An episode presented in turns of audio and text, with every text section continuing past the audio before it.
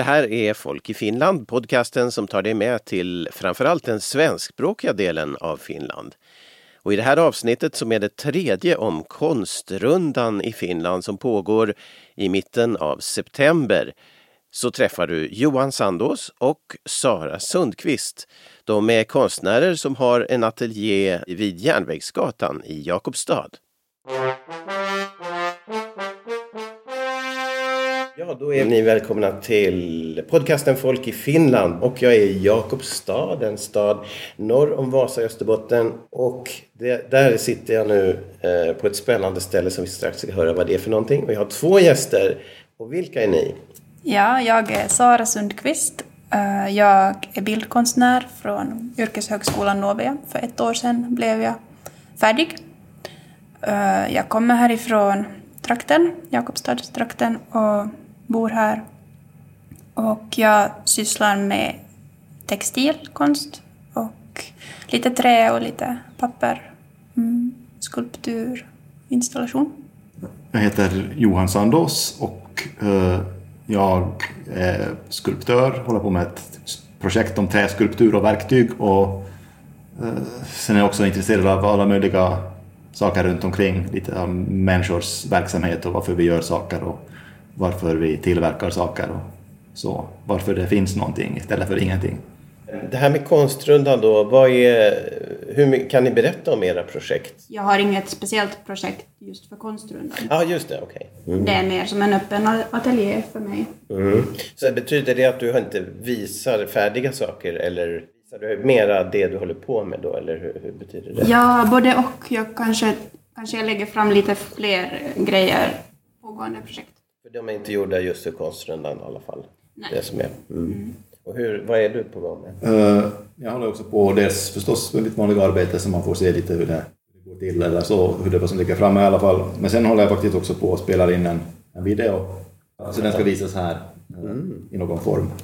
Det kommer också ibland folk till, på konstrundan som inte kommer på konstutställningar. En annan målgrupp som inte du är ja, van att träffa? Ganska nära då och de, folk har kanske lättare att, att fråga saker som de inte skulle fråga på en vernissage och de får se lite mer det här um, råa som finns i ateljén som man inte kanske alltid visar upp på en utställning. Men ser ni fram emot någon viss typ av diskussion då? Det som brukar hända åtminstone en gång per år är väl att någon nog ger mig nya idéer som jag, liksom, jag inte hade tänkt på själv. Med befintliga konstverk eller andra ja, med, med, kommande med, grejer? Med arbete som jag håller på med i allmänhet. Speciellt Aha. också nu håller jag på väldigt mycket med, med traditionella trä liksom, slöjdsverktyg och där finns det ju väldigt många som vet jättemycket. Mm. Men de har liksom aldrig tänkt på att man ska berätta det för någon, att det är sån här kunskap som håller på att... Så att just sådana saker som folk som börjar säga som en sån här hade min morfar också eller någonting sånt, det kan vara roligt. Jag brukar få ganska mycket tips om material som folk, jag använder bara mm, återanvänt material så Mm. Många brukar komma på ja men det där har jag mycket av, att vill du ha det? Okay. Så det är jättebra. Men det här med att sälja konst när man är på Konstrundan, det är ju vissa som tänker att det är bra. Är, är så är det inte för er ett, ett skyltfönster för att sälja, eller ni säljer kanske inte? Alltså det beror på hur man lägger upp det. Första året jag var med så hade vi faktiskt ett litet försäljningsbord uppställt mm. och lite så här hängt upp lite saker med prislappar och så. Då, då var det nog flera som ville köpa. Mm. Och sen senare hade det också varit folk som har pratat om att det, liksom, att det inte blir någon affär då, utan kanske senare. Att det, liksom kika in, spana in den då mm. första och så. Ja, men, men lite så. Mm, jag sålde en tavla i fjol. Så det skedde nog bara i ateljén. Jag hade inte ställt fram, men ändå plockat fram lite mer än, än vanligt. Mm. Så det är ju alltid till salu, men jag är inte så intresserad av det där liksom säljandet. Mm, men, men jätteroligt om någon tycker om någonting. Och,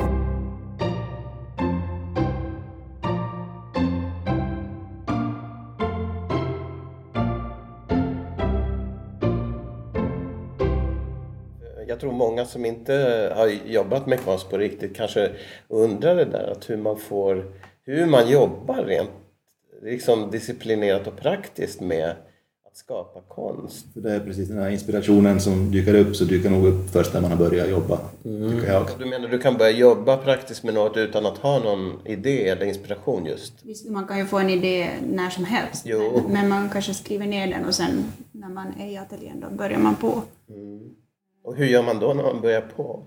Ja, mm. i, i skolan sa en lärare att, att just do it. Det var liksom ingen... I, inte tänka så mycket, bara jag, mm. Mm, jag hittar ett material som, eller ett färg jag tycker om och så börjar jag sätta ihop andra delar med varandra. Ganska spontant blir de ofta. Fast jag kan få en tydlig bild hur det ska bli men ändå vet jag inte alltid. Det, det är ändå ett utforskande dit ja, trots det. Ja. Precis. Mm. Ja.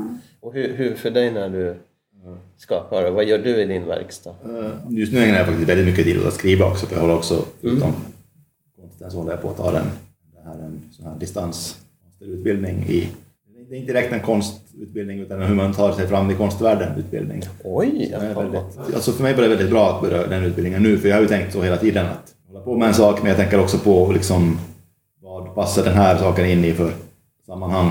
Mm. Så det är liksom, ja, det som är allra roligast är ju att ha liksom material som ligger framme och att ha, ha koll på vad jag har mina verktyg och att sätta mig ner och börja mm. jobba att riktigt veta vad det ska bli men ändå ha ganska bra koll på vad det, vad det kan bli.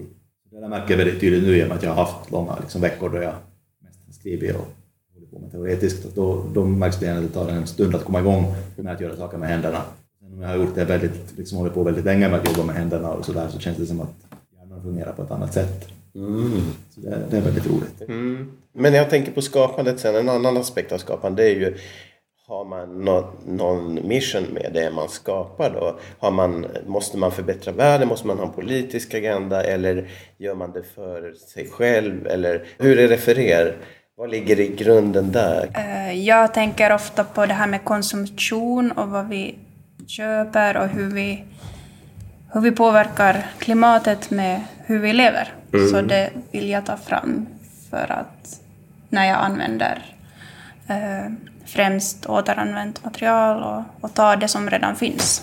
Så det är väl mitt, min tanke med det jag, jag gör. Men är det att väcka eh, medvetenhet hos den som, som eh, upplever din konst eller är det att markera ditt ställningstagande? Kanske mm, främst att, att väcka någon någon tanke hos andra. Mm. Och hur är det för dig med din mm. avsikt? Måste ja. man ha en avsikt? ja, alltså jag märker ju att det finns ju hela tiden någon avsikt men den är inte alltid så lätt att, att lägga i ord. Mm. Men jag har ju tänkt också just på alltså, hållbarhet och att använda material som liksom inte gör så stor skada på, på världen och sådär och att göra saker som, som man också skulle kunna liksom, jag vet inte, rekommendera att andra gör. Mm. Uh, men jag har också mycket av det jag håller på med handlar också om på något sätt att tänka på liksom vad, vad människor vill göra. Liksom. Att det, för ibland blir det också om man håller på med konst och sådär, känner man att är det, är det rättvist att, liksom att jag bara ska få hålla på och jobba med sånt jag tycker det är roligt och, och, och ja, andra, andra, andra sliter och håller på.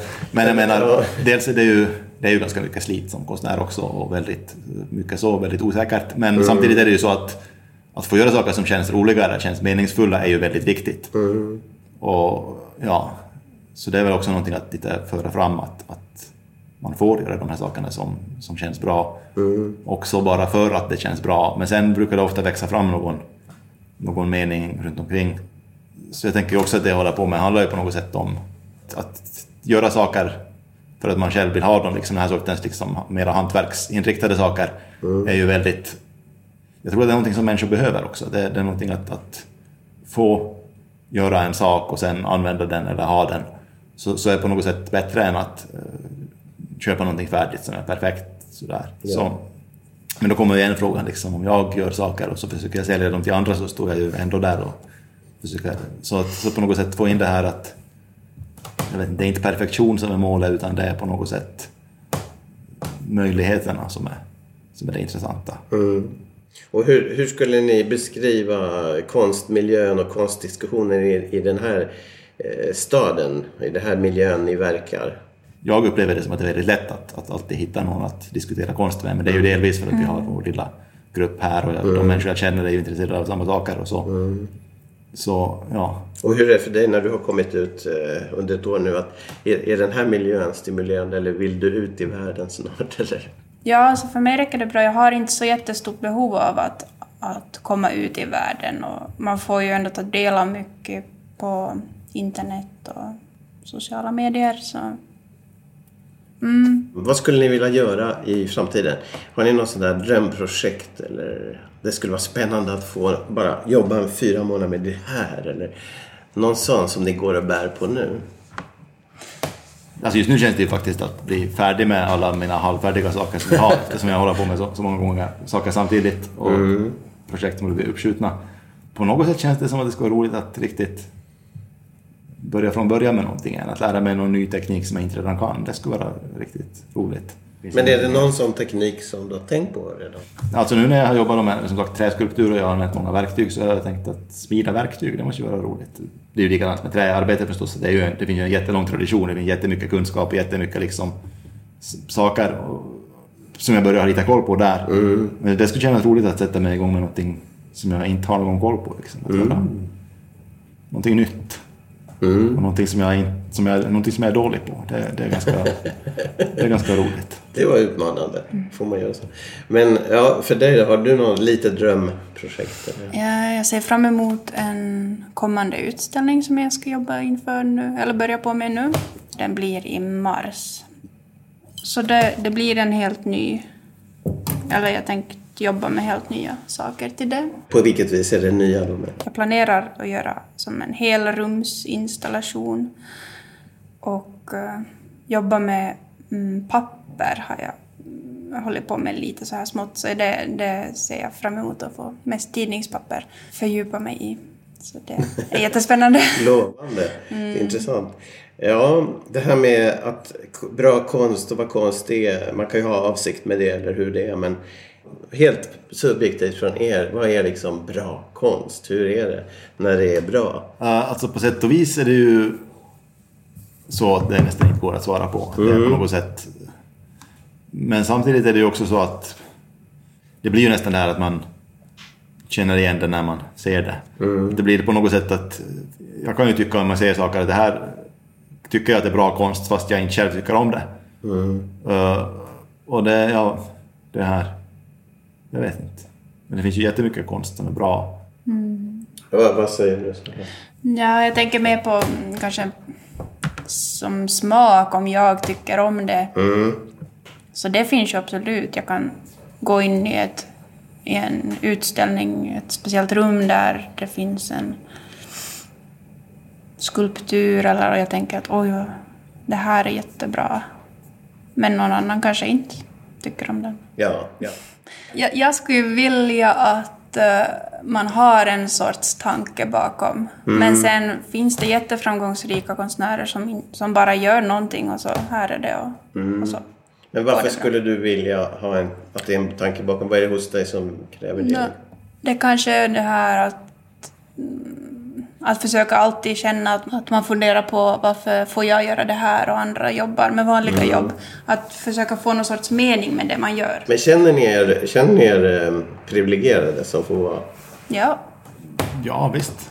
verkligen. Men det är ju också en sån här sak som att det är ju väldigt mycket arbete bakom men det är ju, samtidigt är det förstås väldigt många som jobbar lika hårt och har mycket svårare villkor. Så att, ja. Men som sagt, jag tror där också att just i Finland och i Norden överhuvudtaget så är ju liksom alla privilegierade på ett plan som, inte, som inte finns liksom på så många ställen. Så att, ja, för det finns ju konstnärer i världen som är jätterika och som har det, Ja. miljon, miljonpriser och sådär men det känns det som att det är så långt ifrån liksom, de flesta människors verklighet så det, ja. Jag vet inte. Eh, Den här konstnären, den här upp, konstupplevelsen får, ni, får du inte missa du som lyssnar i temat nu då. Någonting som kanske har påverkat er, någon viss konstnär eller någon viss konst. Anu Tuominen, finsk konstnär. Hennes, det var nog hon som fick mig att inse att det jag gjorde kanske är konst. Uh, så, Ah. så det... Hon är ju ganska känd, men, men kanske ändå någon inte vet. Så hon samlar på föremål och, och plockar ut dem och mycket gör i färgordning. Och, mm, väldigt enkel och vardaglig, men väldigt vacker. I och med att du pratade om liksom, tidigare liksom, utbildningar och bakgrund och så skulle jag faktiskt tänka på också en, en, en utställning som jag såg, det kan vara nästan 15 år sedan, i Åbo faktiskt, med en finsk konstgrafiker som heter Outi Heiskanen.